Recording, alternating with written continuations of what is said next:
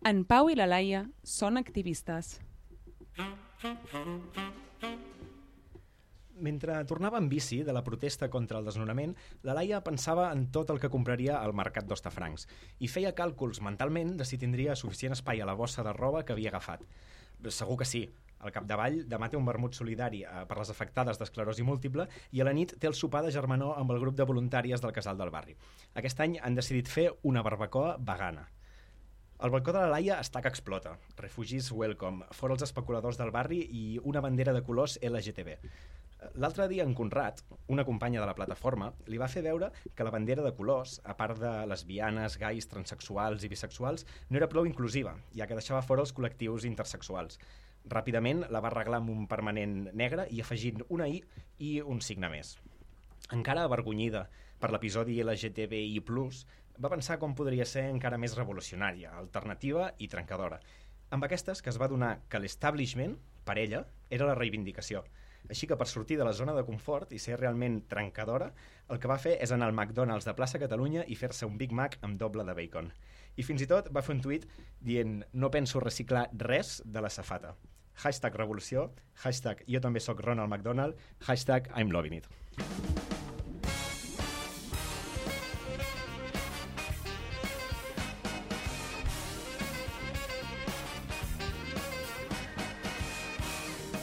Bona nit, som en Pau i la Laia i això no és un conte infantil.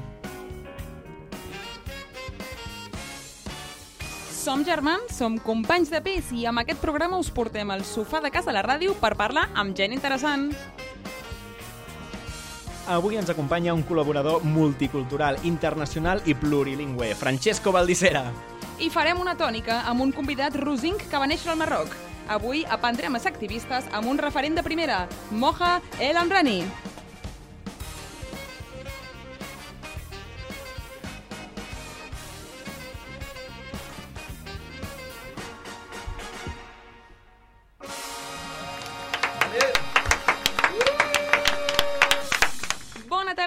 Benvinguts en Pau i la Laia. Estem en directe, són les 8 i 9 minuts i avui parlarem d'activisme. Abans d'això, parlem d'algú encara més interessant, Pau, avui. Bueno, bueno, espero que parlem d'aquesta onada de calor horrible que estem, que estem patint tots. Saps què m'està passant a mi amb aquesta onada de calor? Explica'm, Digue'm explica'm. contradictòria, però tinc tanta calor que no vull ni anar a la platja. Què vol dir no vull ni anar a la platja? Que fa al revés. massa això. calor per anar a la platja. Això crec que és un oxímoron, no?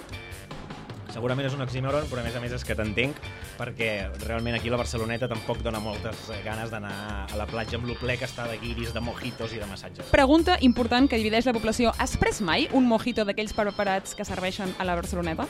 Si la pregunta és aquesta, haig de dir que sí. Si la pregunta és si estic orgullós d'haver-ho fet, segurament tenim una altra resposta. Te, te la torno, però tu? Eh, jo crec que la pregunta està mal formulada, tot i que l'hagi formulat jo, perquè o en prens 10 d'aquells mojitos o no en prens cap. Aleshores, la resposta a la nova pregunta és sí. Veig que cada dia començarem parlant de beure, eh? això ja és com un estàndard... Servei públic, servei públic. Molt bé. Jo el que volia explicar de l'onada de calor i el que, el que realment m'agrada és que és una mica la- l'excusa i la confirmació de que ja ha arribat l'estiu. Perquè eh, realment hi havia gent que encara estava allargant aquells arceiets prims de no l'agafo perquè la nit potser refresca. No, ja no, mandra aquella gent, eh? Recula perquè s'han deixat la rebequeta. ja no fa fred a l'estiu, la gent ja no cal que reculi i oficialment ja, ja ha arribat la calor i de quina manera.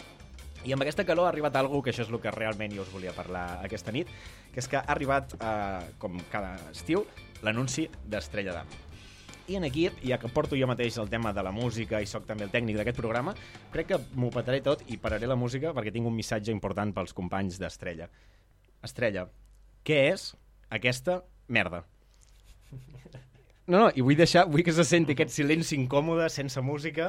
Si ells, de fet, no s'esforcen ni per fer un anunci que valgui la pena, jo no m'esforçaré en que soni bé aquest programa. El Late Night, que va durar dos episodis, pots desenvolupar-ho una mica més per gent com jo, Sí. que no hem vist T'anava a fer aquesta pregunta. De fet, no directament no l'has vist. l'anunci, em feu molta mandra, els que sempre parleu de l'anunci Estrella d'Am. Un any va estar bé, dos, una mica de gràcia, 3, Jamboa Mandra. Ara ja fa bola. Doncs mira, et diré una cosa, et- em fas enveja de no haver-lo vist, perquè jo si pogués tampoc el veuria. Um, realment s'ha encarregat tot el concepte que portaven treballant des de fa anys i jo el que em pregunta és on estan els barrets de palla, on estan les cales maques del Mediterrani, els balers, les festes, els models, els nois guapos i guapes que surten de festa i que, i que d'alguna manera ens alegraven l'estiu a tots, però han marxat aquest any. I, de fet, si vols, et dono l'exclusiva a tu perquè no l'has sentit i et puc posar la cançó d'aquest any perquè la tinc aquí, aquí a l'Spotify. Farem un exercici, però. Tu ara imagina't que estàs estiu, en ple agost, de festa, cadaqués, pantalons curts, els peus descalços a la sorra, bé, no hi ha sorra Cadaqués, però sobre les pedres de Cadaqués, um, el DJ de cop decideix posar-te en plena festa aquesta cançó.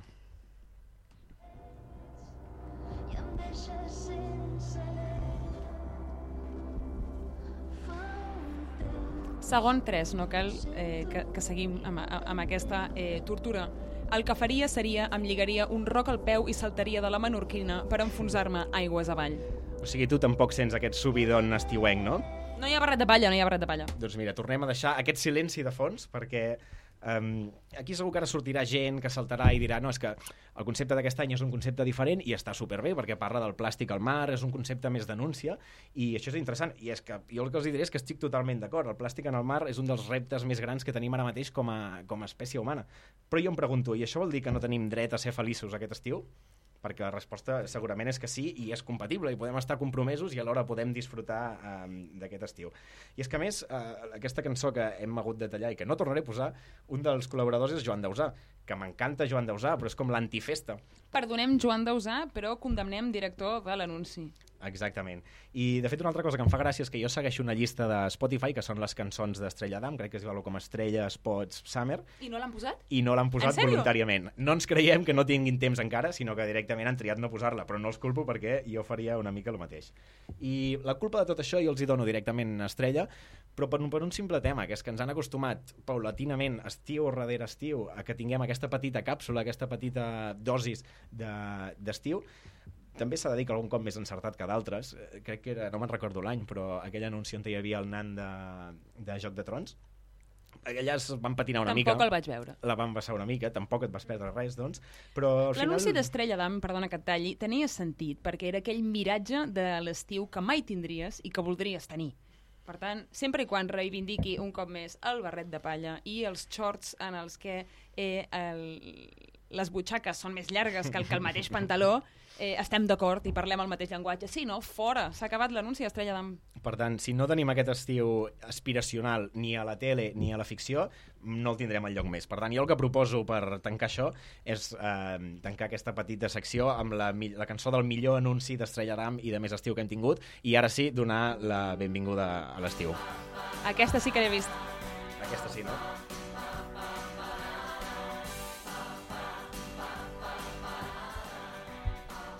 Bé, doncs ara que ja estem de vacances i que ja és estiu, aprofito per recordar que ens podeu escoltar en directe al 94.6 FM cada dimarts a les 11 de la nit, tot i que avui és dimecres i són les 8 i, i 15 de la tarda. Perquè som així, és el segon programa que fem i ja ens hem cansat de la nostra franja. Per tant, eh, si el que vols és fer-ho fàcil, ens pots escoltar el podcast de Spotify buscant en Pau i la Laia, on ens pots veure les cares al YouTube en el canal d'en Pau i la Laia. Perfecte, doncs ara sí, eh, canviem de tema, perquè la gent que ens va escoltar en el primer programa ja sap que el més important que passa aquí és abans d'obrir els micros. O sigui que, Laia, sisplau, explica'ns què ha passat abans del programa.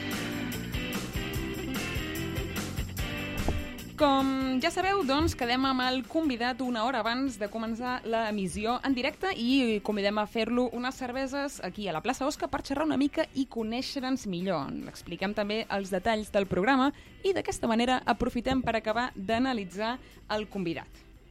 Amb el Moja he de confessar que em passa algú curiós. Ens tenim a les xarxes socials des de fa anys i compartim amics i coneguts, però no ens coneixíem personalment encara.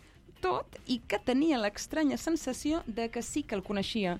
No sé si serà per el caràcter proper del Moja. Eh, potser sí. El primer que us puc dir és que el Moja és un tipus ocupat. Té una agenda de ministre, com a mínim. Si em permeteu, desvalaré eh, els seus compromisos. Havíem de gravar el dimarts a la nit, com de costum, però tenia una reunió molt important a primera hora del dimecres fora de Barcelona, així que, sense cap problema, vàrem deixar-ho per eh, avui al vespre. I aquí el tenim, sí. I quan acabem aquest programa anirà corrents a l'estació de Sants, ja que ha d'agafar l'última B, contrarrellotge. Crec que, de fet, demà va a Londres, no sé ben bé a què, ara, ara li preguntarem. Avui ha arribat sol, puntual, de fet, pràcticament 10 minuts abans que nosaltres. Va elegant com sempre, sempre l'he vist elegant. Camisa de màniga llarga, tot, i la onada eh, de calor. No es queixa de la calor. Eh, ni això ni la seva agenda apartada sembla que li treguin aquesta tranquil·litat, o aparent tranquil·litat, com a mínim. I és que el Moja té aquesta veu dolça que obliga a escortar-te'l i sempre amb un somriure. De fet, li perdonaries tot. I és que té aquest taranà que intriga i enamora a parts iguals.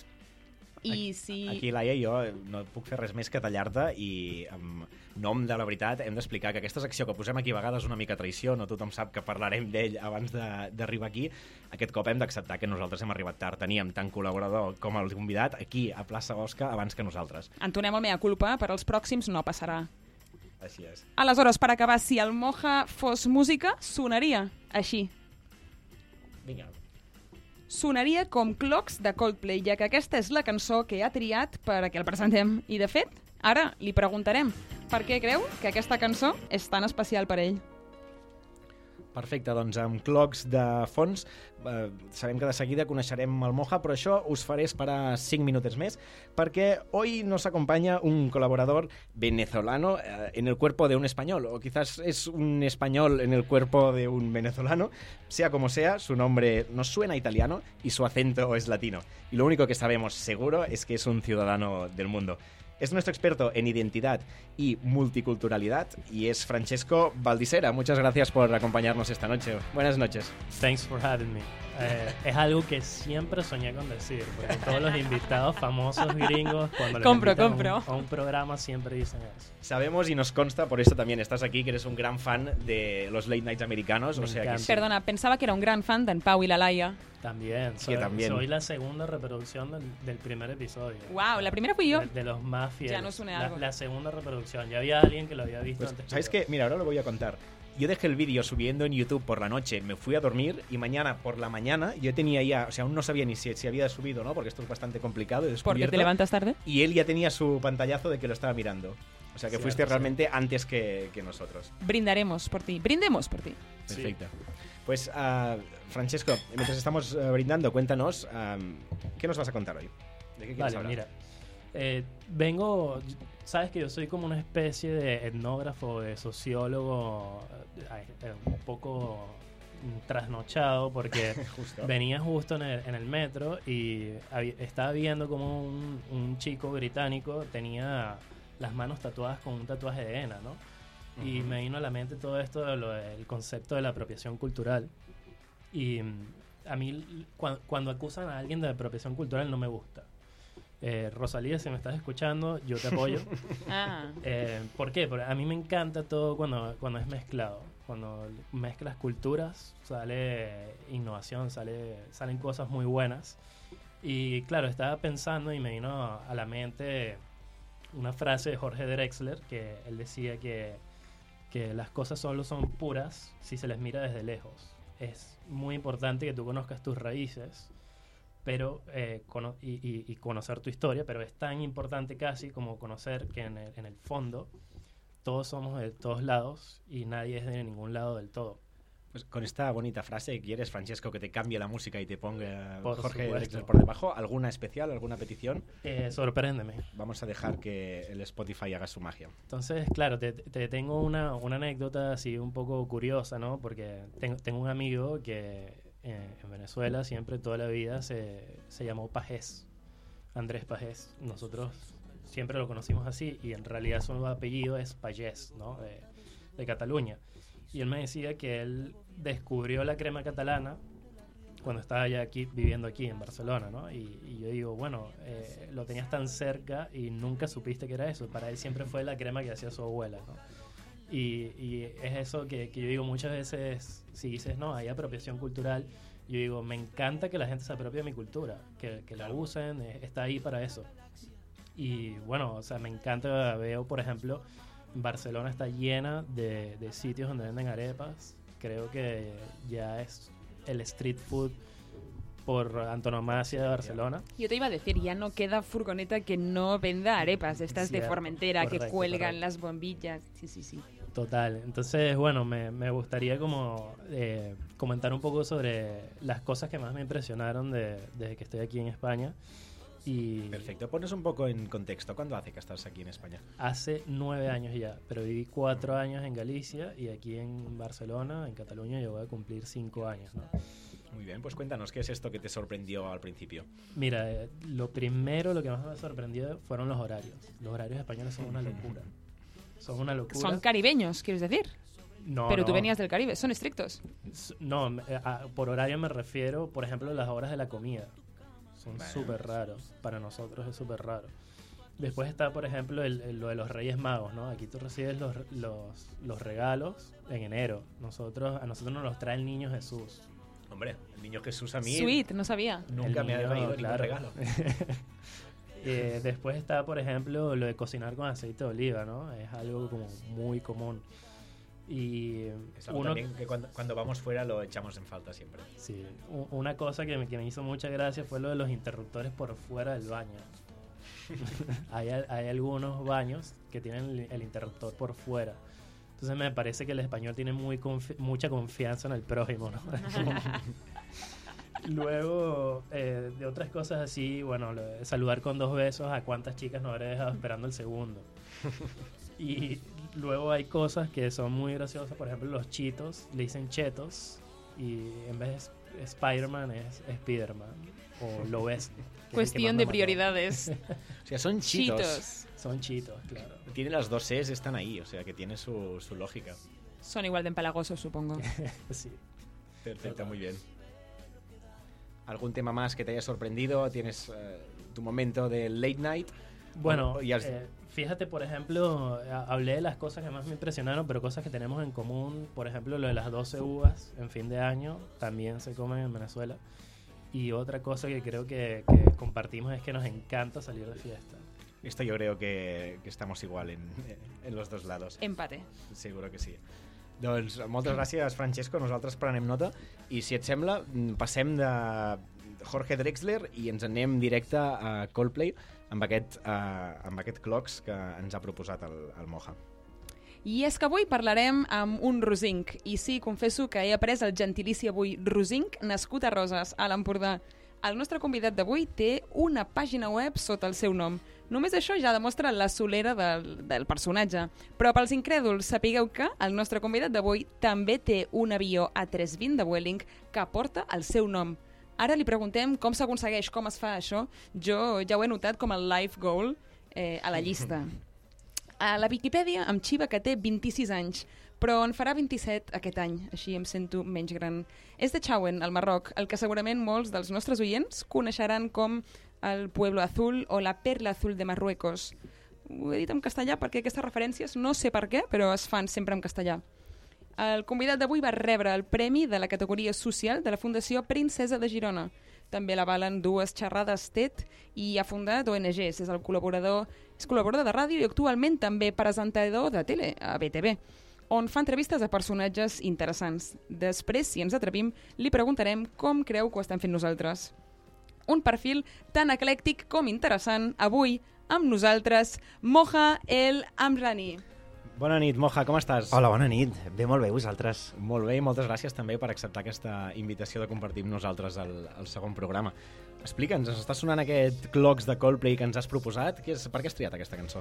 Doncs Coldplay, quan, quan m'heu preguntat a veure quina cançó podia, podíem presentar, m'han vingut al cap moments, perquè jo connecto molt el que són les cançons amb, amb moments, més que no pas que m'agradi la cançó per alguna cosa, sempre intento buscar alguna explicació, no? I no sé per què Coldplay, en aquesta cançó en concret, sempre em recorda començar coses noves.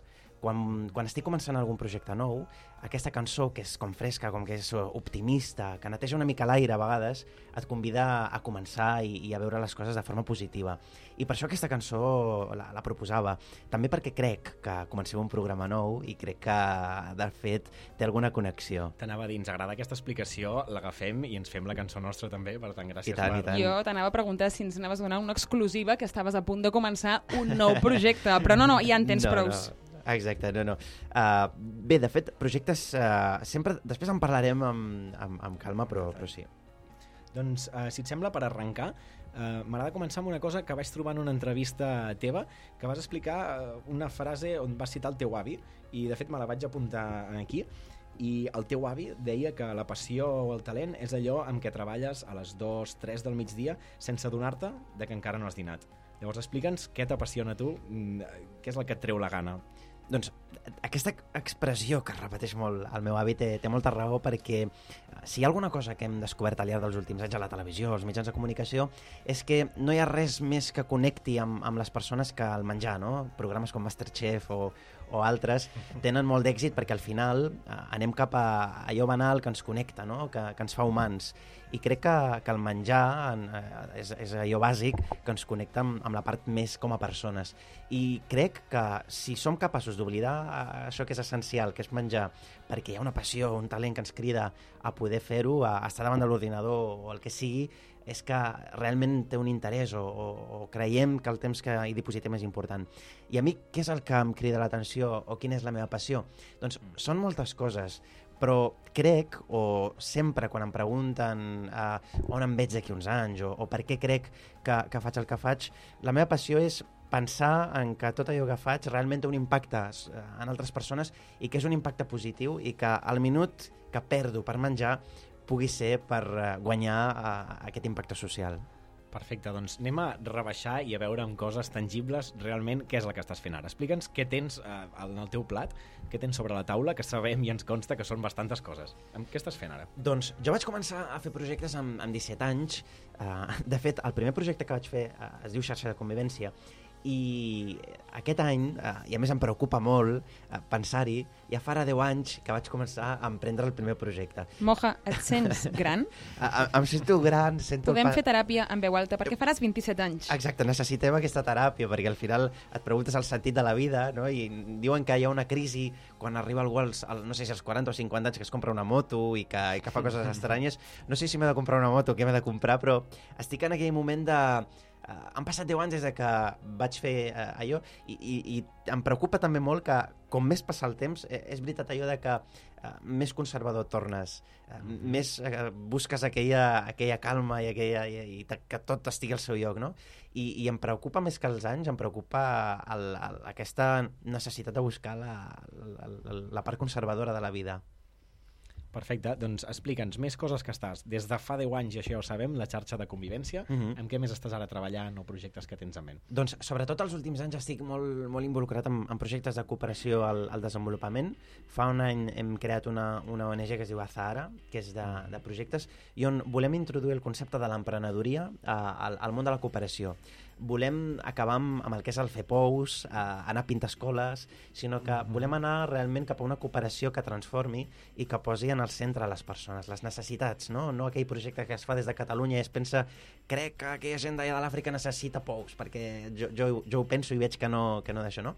Crec que al final hem, hem de posar les persones en el, en el centre i volem traslladar el, el concepte de- d'emprendre, de, de l'emprenedoria, de la innovació social, al camp de la cooperació. I, és- I això és important perquè eh, és un canvi de paradigma totalment diferent i quan parlem de no paternalisme, quan parlem de, de, de traslladar eh, aquests conceptes que a vegades sembla que estiguin fabricats només per la gent eh, d'aquí d'Europa, eh, mm, si, si ens hi fixem, la gent d'Àfrica, davant de situacions molt adverses, és la primera en, en emprendre. És dels països més emprenedors del món, perquè al final la subsistència et porta a, a emprendre.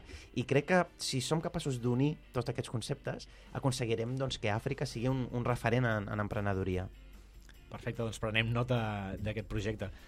I si em permets, ara canviem una mica el, el to de la conversa, i és Sí. que jo no tinc cap problema en confessar-te que abans de trobar-nos amb, amb un convidat faig un stalking de les Ja. seves xarxes socials, i en particular el de l'Instagram.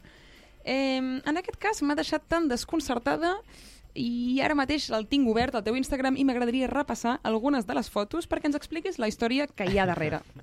Tot, tot explicació, puedo, puedo explicar-lo. Comencem, si us plau. Surts molt amb traje, diverses fotos on surts tu eh, durant conferències i xerrades, a la vegada que surts amb bastantes fotos també al Marroc. La meva pregunta és, i demano silenci i concentració, m'estic a punt de llançar a la piscina dels gentilicis. O millor dit, estic a punt d'arribar a l'Olimp dels gentilicis. Pregunta, com arriba un xauanenc a Serrozinc? Com arriba un, un xavanenc a Serrozinc? Ho he dit bé? Correctes els gentilicis? No és correcte. eh, És, és Té xau- gentilici, xauen? Se sol dir xauní. Xauní. Sí, xauní. Eh, Més, més que no xavanenc. No, és més mono, Però sí, perquè sí. és un, un, un gentilici que s'ha inventat, no?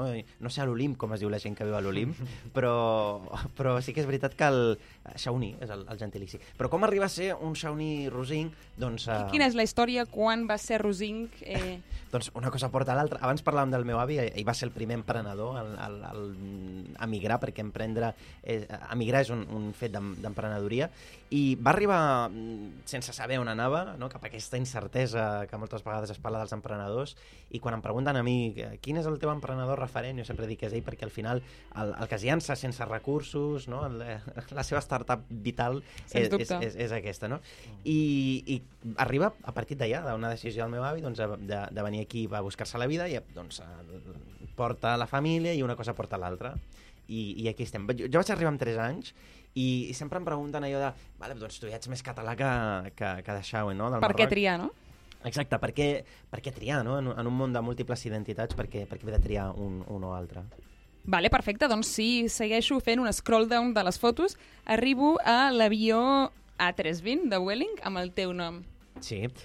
El, aquest avió Eh, És fort, això. eh? No sé si entrevistarem mai a ningú més que té un avió A320 de Welling amb el seu nom. Per si cas ens allà, sempre la medalla. allà cap, hi cap eh, l'ego de qualsevol. I cap Lego, i és perillós que, que capi Lego, perquè sí que és veritat que és una cosa doncs, que crida molt l'atenció, però com que el motiu no té res a veure amb Ego, realment eh, et posa els peus a terra. Aquest, L'avió surt... M'has al- tallat el rotllo, eh? No, no, ara, ara, ara ho recuperem. Però el, com que el motiu és un, un motiu mo- social, perquè el, el Vueling fa, fa un parell d'anys va comprar 15 avions nous i es veu que hi ha un costum en el món aeronàutic, i tu ho sabràs, que és batejar el, els avions amb noms, no? Doncs, A més, té, una cerimònia, no, aquest costum? Tinc ben entès que Sí, sí, els té- bombers no, fan amb unes mangueres... Sí, sí. Eh, saps explicar-ho tu d'una manera més radiofònica que... Sí, té, Que jo- unes, unes...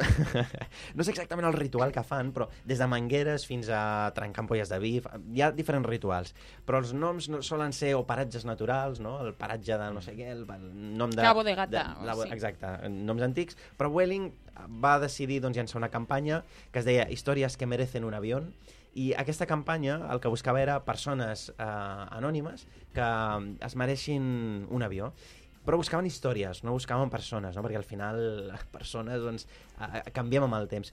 I van seleccionar, o els hi va agradar una història, d'un un dia doncs, jo vaig anar al Marroc, vaig veure doncs, que els nens i les nenes per anar a l'escola havien de fer molts quilòmetres a peu, vaig tornar aquí obsessionat amb, amb la idea de portar un autobús al Marroc per fer el transport escolar, Uh, recordo doncs, que va ser molt complicat perquè al final tu dius jo porto un avió i sembla que el, el més fàcil del món però em recordo que vaig arribar aquí vaig ob- obrir LinkedIn i vaig buscar mm, directius de, de SEAT i tal i no em contestaven perquè clar, jo els deia, hola, jo crec que me regales un autobús i, i després vaig posar a Google autobús i em va sortir 600.000 euros no? No, no són pas barats els autobusos i buscant, buscant, al final vaig trobar la forma de, de, de poder aconseguir un autobús, el vam, el vam portar i Vueling doncs, va decidir posar aquest nom a aquest avió amb Rani Bus, que fa una mica referència a, a aquesta història. Ah, amb Rani Bus. Vale, vale, vale. No sabia el, la segona part del nom. Sí, el, el nom Encara de més interessant. es Has diu- volat mai, per casualitat, agafant un Welling el, amb l'Ambrani Bus? No he volat, però sí que l'he vist. Ens hem conegut, perquè aquest avió ha estat eh, elegit fa un any per promocionar els 25 anys de, Dis- de Disneyland París i, i és un avió doncs, que es, tota l'avió... Té la for- sirenita dibuixada? La campania. Home, Molt millor. Té, té, té tota la forma de... de, de tot l'avió, doncs, és fàcil de reconèixer perquè està vinilat amb, amb la companyia i... I ara m'estic intentant imaginar, tira 15 anys enrere i te senten i et diuen d'aquí 15 anys tindràs un avió amb la campanilla estampada amb el I teu el nom, teu a més nom. a més. És clar, et, et pots flipar ràpid, però és el que deia. No, és tocar de peus a terra. I és que el límit del Moja està al cel, això és evident. Però bueno, seguint amb l'escroll down, eh, trobo una foto i ho deixarem aquí ja per, per no posar-te més compromisos. Amb l'Àngel Llàcer, Purpurina i Faràndula.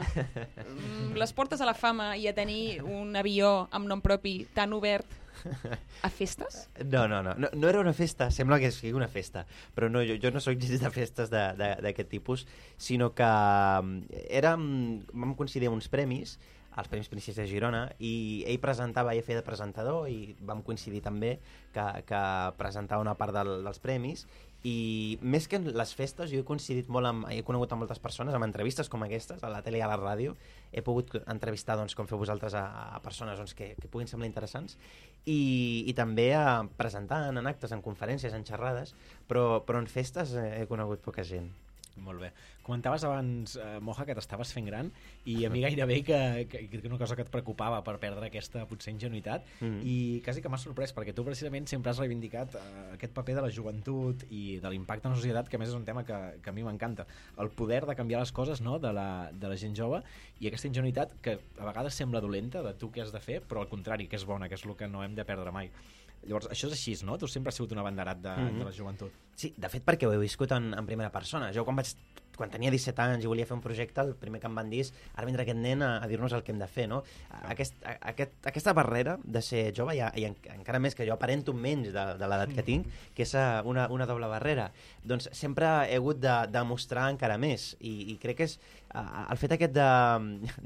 Ho dic en broma, sentir-me gran, perquè realment no, no, no, no em sento gran, sinó que crec que tinc més experiència per poder fer front a aquestes situacions que, que polítics o gent doncs, eh, t'atura. I, però t'atura perquè saben realment que els hi estàs canviant els paradigmes o els hi estàs canviant les normes del joc i quan un nen o, una nena canvia les regles del joc, abans parlàvem d'activisme, estem en un moment, en un moment social superinteressant on els nens i les nenes al món estan canviant els paradigmes a, a, a la gent adulta.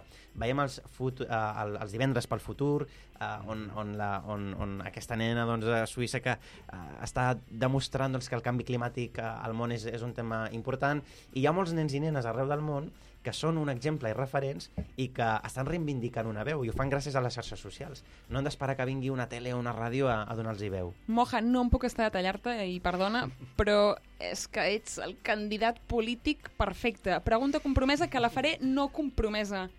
Quants? Quants partits polítics t'han temptejat? No si t'han temptejat, quants? No, no em diguis quins.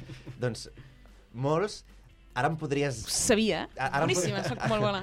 Ara em podries treure un, que, bé, tot i que no el descartem, però, però no, jo crec que tots els que mm, busquin una mica el... el, per, per, el que- has tocat un tema interessant, perquè... Sí, perquè aquest programa passarà a fer hemeroteca d'aquí uns anys. per això he d'anar amb compte. S'ha de vigilar molt. perquè- Has posat la por sobre, ara. No, però el, el tema de la política de, de no ser...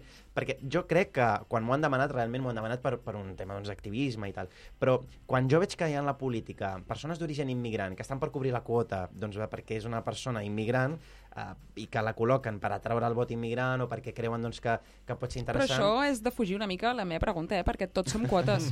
Exacte, tot, Les dones són quotes. quotes, i tot, I tothom és tant, i quota. Però eh, sí, m'ho han demanat moltes persones, però crec que ara mateix no, no és el meu lloc a la política, però clar, la maroteca em, em, pot, em, pot, uh, em pot anar en contra. Has dit un ara mateix molt clar, llavors jo crec que Exacte. ningú, ningú t'ho tirarà. Ara, ara mateix no. En relació als exemples que parlaves abans, jo volia aprofitar, de fet, que tenim aquí a la mateixa taula per comentar alguna un fenomen que jo estic veient molt i que no sé si tu t'ha passat, perquè al final eh, tu siguin una cara visible segur que tens doncs, també a, a aquest accés. I és que mm, últimament el que veig molt és que aquelles persones que sou compromeses amb, amb temes socials se'ls demana, o quasi bé encara més, se'ls exigeix que ho siguin amb tot. Mm. És a dir, aquell que és un gran abanderat d'una cosa, que quan hi ha el dia de la dona no ha penjat res al 8M, doncs se li tiren a sobre i ja és un masclista, ja és l'altre, o amb qualsevol d'aquestes coses. Vull dir, t'ha passat mai o t'has trobat Sí, amb, sí. amb situacions així? Constantment. A la que passa una cosa, eh, reps missatges per, pel privat, no has dit res d'això, Eh, és que estàs en contra o estàs a favor? I clar, eh, això és una, una pressió constant que, que et pots enfadar, perquè abans m'enfadava molt, perquè clar, deies, "Ui, però per què he d'opinar de tot? Si, si, per, perquè potser no, no he de dir res de- d'aquell tema. Però hi ha una pressió clar, és molt fàcil. Tu, no, com que no has d'opinar, envies un missatge per privat i fas que l'altre opini, no? Op- Opinió a la carta. Però m'ha passat molt i, és, i és molt irònic i, i, i no, no- ho he entès mai el, el per què pressionen per opinar segons quins Jo temes. suposo que això és un resultat, estic improvisant segons parlo, eh? eh disculpes l'avançat, però de que l'activisme és mainstream i que Sí. suposo que és una bona notícia, de fet, no? Sí, l'activisme és mainstream i, i és, és bo i dolent, no? Perquè al final l'activisme buit de contingut, buit de discurs és, és perillós, perquè al final pot portar, doncs, a, a... Perquè, de fet, hi ha activisme d'extrema dreta, hi ha activisme d'es- de- d'esquerres, hi ha, ara mateix hi ha, hi ha activisme de totes bandes, i l'activisme és des, des, doncs, defensar unes idees, i siguin bones o dolentes, l'activisme forma part del, de, del, del mainstream, de- d'aquest món a, a, actual. Però eh, potser el, el tema aquest influencers s'ha traslladat a altres, a altres aspectes, no? com el, el món social, defensar les causes socials, i tu ja demanes a aquell influencer, o ara deies, no? com vesteix, perquè si vesteix d'aquesta forma eh, no connecta amb, amb, doncs, amb unes idees més progressistes, i clar, eh, com, però com a que... merda, que he dit que anaves amb camisa de màniga llarga. Ah, Exacte. Ara, ara, ara et trucaran d'un altre partit. Demà tens més. Exacte. Baralles Jo si em poso xaleco potser em truquen d'un altre. Però, I faldilla d'un altre. Exacte. però, però sí, sí, al final tot, tot es redueix a això. Has dit un concepte que, que m'ha encantat, que és que aquest activisme a vegades viral, molt cops el que li falta és que no té contingut a darrere, sinó que, Mm. que és buit. Jo crec que és important que des d'aquí trenquem uh, una llança que al final qualsevol persona que estigui involucrada en qualsevol causa, encara que sigui una, ja està fent el canvi a la seva manera i no Mm. se li pot uh, exigir I, més. I que l'activisme no ha de ser una cosa avorrida, no? No ha de ser el, a- aquest meme d'en Barnes amb la gorra fent de guai, sinó que l'activisme pot ser mm, atractiu per als joves, no? I crec que el, el, jo això ho he tingut molt clar, el, el comunicar l'activisme de forma atractiva, de forma divertida, desenfadada, trencant el, el, el, el, la serietat, no? la, les, la, la, la, la, aquest aspecte més seriós de, de l'activisme s'ha d'esborrar i s'ha de parlar de, de tu a tu. Moja, el mago pop de l'activisme. No, perfecte. Ens encanta que siguis així i eh, crec que ens encanta aquest optimista, optimisme que desprens eh, a tot arreu. De fet, els temes els tres a la taula escoltant-te amb uns ulls de... No, moltes gràcies. Així. Um, Per què parla dolç? té aquesta veu, no? Té com aquesta, aquesta habilitat de Jo que somric gent... i l'escolto. Ja està, Sí, call. és mutu, és mutu, el somriure s'enganxa. Doncs, um, precisament per aquesta habilitat de que la gent t'escolti, d'haver sigut una cara visible, passem a un tema una mica més fosc, que és que precisament a causa del, dels terribles atemptats que vam tenir aquí a Barcelona el, el 2017, vam poder veure fent declaracions, jo diria que tot arreu, de, de, tota Espanya, gairebé tota, a totes les cadenes. Et van veure a TV3, a la Sexta, a Ràdio Nacional Espanyola, a Cadena Ser, RAC1, Catalunya Ràdio, etc etc etc. Llavors, um, ja que et va tocar molt, suposo, fer declaracions o et van trucar molt durant aquest temps, ara que d'aquí poc farà, farà dos anys, um, com veus l'escenari? Quin, quina valoració fas de, de lo que ha passat o l'impacte que ha tingut a la societat després, ara que ja tenim Doncs- una mica més de cap? Crec que s'ha de diferenciar dues coses. Una és com ha canviat l'escenari i l'altra quin ha estat l'impacte. L'impacte va ser molt, molt dur. De fet, recordo situacions on educadors i educadores, persones que treballen en, en el món social amb sentiment d'un sentiment de culpa molt profund, d'haver fallat, de, de què ha passat, de això pot passar al meu barri, de preocupació de, del món social, també preocupació de què estem fent malament a Catalunya, quin és el model de convivència, quin és el model d'inclusió, uh, què, què, què és el que, el, que no va, el que no va bé, què, què és el que podem fer bé. Es van començar a organitzar reunions per tot arreu, uh, xerrades sobre el tema, i clar, el tema és, això s'ha anat diluint també perquè mm, va coincidir amb, amb el procés, va coincidir també amb un context polític molt complex on, on, on la política doncs, manava una, una, una, altra, una, altra, una altra agenda i clar, al coincidir tot plegat doncs, es va com també diluir una mica el, el, el tema. Però pas, el temps ha passat, el, les, les, les coses crec que no, no han canviat gaire i mm, crec que trobo a faltar eh, plans de convivència, plans que realment modern, no, no modernitzin, sinó actualitzin el concepte de, de, de, de la inclusió i de la convivència. Crec que hem de deixar de parlar de nous catalans, de noves generacions, sinó que s'ha de normalitzar doncs, que Catalunya és diversa, Catalunya hi ha catalans que parlen àrab, catalans que tenen una altra religió i catalans que poden creure en, en altres coses, o catalans que són d'origen marroquí que no siguin musulmans. I crec que aquest trencar estereotips és molt important, perquè al final aquesta Catalunya que és diversa i que realment volem construir no redueix en l'origen ni es redueix en aquesta, en aquesta diversitat que limitem en, en una capsa. Perfecte, doncs també prenem nota i ens sumem a, en aquesta reivindicació. Si et sembla, ara canviem totalment de registre i anem a intentar descobrir quina és la persona darrere de, del Moja que coneixem, és a dir, darrere d'aquest personatge entre cometes. Aleshores, eh, fent-te una pregunta que et farà una mica de mandra, perquè sempre fa mandra quan te la pregunten, però mirant el futur. Mhm. Moja, qui serà? Qui, Doncs- vols, qui vols que sigui Moja? Doncs, quan penso en el futur, penso en, en una cosa. El nen o nena que neixi avui a, a qualsevol hospital de Catalunya, quan tingui 18 anys, segurament no es traurà el carnet de cotxe perquè el cotxe serà autònom, segurament... Uf, és el eh, meu tema, aquest. Exacte. Ara et pots ficar en un merder, perquè si vols seguim parlant de vale, vale, cotxe autònom, 5G... Exacte. El món que es trobarà d'aquí 18 anys, diuen, diuen que serà molt diferent al, al que ara mateix ens trobem. Podem parlar del dilema del tramvia, podem parlar de, de, de mil dilemes ètics que comportarà la tecnologia. Però el, el que em pregunto és, en un món de revolució profunda eh, i d'un canvi tecnològic i digi- digital que entrarà a les cases, que realment arribarà a tot arreu, continuarem parlant de, dels mateixos debats socials que, que hi ha ara mateix? I la tendència sembla que sí, perquè parlem d'una profunda revolució tecnològica, però tampoc parlem d'una profunda revolució social, on sembla que anem enrere. La polarització social ens porta cap a l'extrem, extremar les idees, no? El, el no trobar punts de diàleg, sinó el que és d'aquest extrem, el que és de l'altre, deixo de seguir Twitter el que no pensa com jo, i sembla que la tecnologia sí que progressa, però aquest moja d'aquí 10 anys es trobarà un món molt estrany on tot haurà revolucionat i com, com podem fer doncs, perquè realment eh, el, el canvi social sigui paral·lel a aquest canvi tecnològic.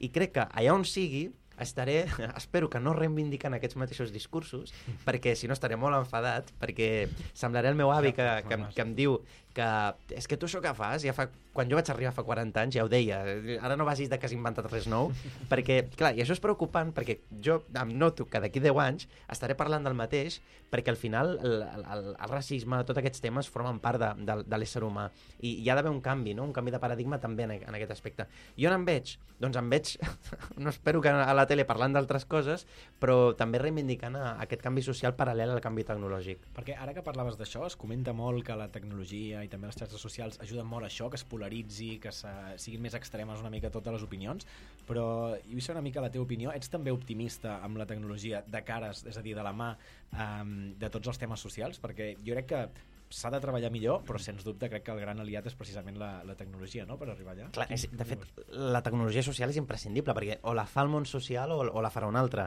És a dir, o, o les entitats socials o, o les persones que, que estan en el món social innoven i, i es dediquen a crear startups que donin resposta a reptes socials que incorporin una visió tecnològica, o la farà un altre que no en té ni idea del món social ni de valors ètics i li donarà tot igual. Crec que o ens hi posem o, o s'hi posaran. Això és com la política, no? De, o, o la fas o te la fa un altre, doncs la tecnologia és el mateix. Perfecte. Molt Estem, bé, Moja. estem molt fora de temps, per tant, quasi que ho anem eh, matant. Uh, I també perquè has d'agafar un ave i el no volem ser nosaltres la, els culpables. Llavors, molt ràpidament, abans d'anar al final de tot, tu Sí. que has fet molta ràdio i que has estat a, en molts mitjans, doncs una mica de feedback. Com ho estem fent aquí? Què et sembla? Doncs la veritat és que vaig escoltar el primer programa i, i em va agradar molt, però no ho dic per dir, perquè Ho hauries de dir igual, si no fos així. Soc, soc molt sincer i la veritat és que em va agradar molt per dues coses. Una, la, la, la connexió... Bueno, que, que té, té storytelling al, al programa, no? Dos germans que no és un, un conte, però que almenys porteu eh, protagonistes de diferents àmbits. Aquesta ironia que respira des del principi fins al final del, del programa i crec que, el, com que sou vosaltres mateixos, i a més es nota que, que sou vosaltres mateixos, eh, crec que això és, és la, la clau de l'èxit. Vull dir, no, no donaria cap consell, sinó que l'únic consell que diria és que continueu siguent eh, i pensant i, i opinant com, com realment penseu i opineu i, i com sembla. Gràcies, Moja. Tu continua escoltant-nos, doncs. I tant, i tant. Moltíssimes gràcies i com que ja has vist aquest primer programa ja quasi no cal ni que t'avancem que per tancar el programa a nosaltres ens agrada amb el convidat donar-li tres propostes per veure com ho fem. Les repassem ràpidament. La primera és cantar una cançó de l'Oreja de Van Gogh amb nosaltres, Sí. que ens encanta. Jo faig els coritos, sempre. Encara que no vulguis, els faig. I a vegades eh, preferíem tots que no els fes. Segona opció, l'Speaking del First, que és que et donem dues fotos impreses com si fos l'examen famós de Cambridge i ens les has de descriure en anglès. I la tercera opció és el No ets tu, sóc jo, on has d'improvisar una ruptura en directe. És a dir, com si ho deixessis amb una parella, però amb, amb nosaltres. Mhm. El típic carinyo hem de parlar. Mm -hmm. He de dir que no sabem quina triarà el Moja, perquè normalment ens ho avancen abans, ens veiem... No tenim ni idea de què triarà Nervis. Jo amb la Laia més ho comentàvem abans. Quina Tenim apostes farà? diferents. Després et confessem que havíem apostat cada un que Sí? triaries. Bueno, segur que ho sapeu, però eh, tornant una mica al tema de la innovació, a mi m'agradaria la 3 de deixar algú, però que, que sigui algú que, que li agradi l'oreja de Van Gogh. És a dir, uh, la 3 com a preferència. Perfecte. Però segur que l'oreja de Van Gogh està pel mig. Els dos ens agrada l'oreja de Van Gogh. Exacte. Tenim un ukulele aquí darrere que si demanes que surti, sortirà. I si no li demanes, potser Segurament també. també. També, no? Sortirà sí o sí. Almenys l'has carregat. Home, deixar algú amb l'oreja de Van Gogh de banda sonora és un cop baix. És un, Sí, I alhora és un nivell experto. Sí, Sí. i el dia de Sant Jordi... No està a l'abast de tothom. Et veiem salto. Moja, et, deixem aquest, et regalem aquests últims minuts perquè facis amb ells el que vulguis. Començarem amb un silenci incòmode propi de la ruptura. I, i ha de ser en general, mateix. és a dir, els dos a la vegada, no? Doncs... Si tens preferència. També. No, res, que ara veníem parlant i, i pensava doncs, que, clar, en el cotxe teníeu l'oreja de Van Gogh tota l'estona posada, uh, teníeu, de fet, la, les pitjors, no? perquè l'oreja de Van Gogh de l'1 al 10 té- té de pitjor a, a, a, encara, encara més, més, més diabòlic. I, i, i no, no és un tema que sigui meu, sinó que crec que és un tema musical, no? És, és un tema de... Bueno, us podria agradar el reggaeton, no? Que, que, que encara seria més greu. Però, però mm, no és, és, és, per aquest tema que, que us, us he de deixar, però, però perquè no, no m'agrada l'oreja de Van Gogh, quan us decanteu per Coldplay, doncs en, en parlem. I és com vam descobrir que el Moja és més de trap. Exacte. Moja, moltíssimes gràcies per acompanyar-nos a- amb A nosaltres i encara que no t'agradi l'oreja de Van Gogh, ha sigut un plaer estar amb tu i, i escoltar i aprendre, i aprendre de tu. Moltes gràcies, Moja. Torna quan vulguis i tinc Vosaltres. una petició per tu perquè realitzis. Parla amb SpaceX, a veure si posen el nom a un coet, que hi ha problemes més enllà també del nostre planeta. Fins dimarts que ve! Vinga, fins dimarts que ve. Moltes gràcies.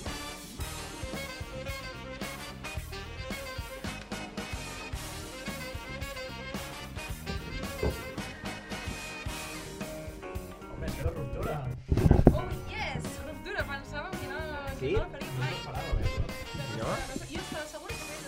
First. Sí? Ell que cantaries. Ah, I dic, no, no, no, no, no. no, la gent que no és cantant no canta. Exacte. Estuvo bien, lo, lo mezcló. I no l'has tocat. No has tocat perquè volia cantar.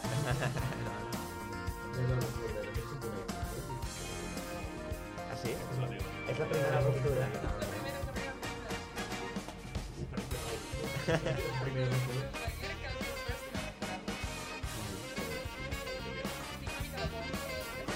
No, no, no, 40. Sí, sí, sí.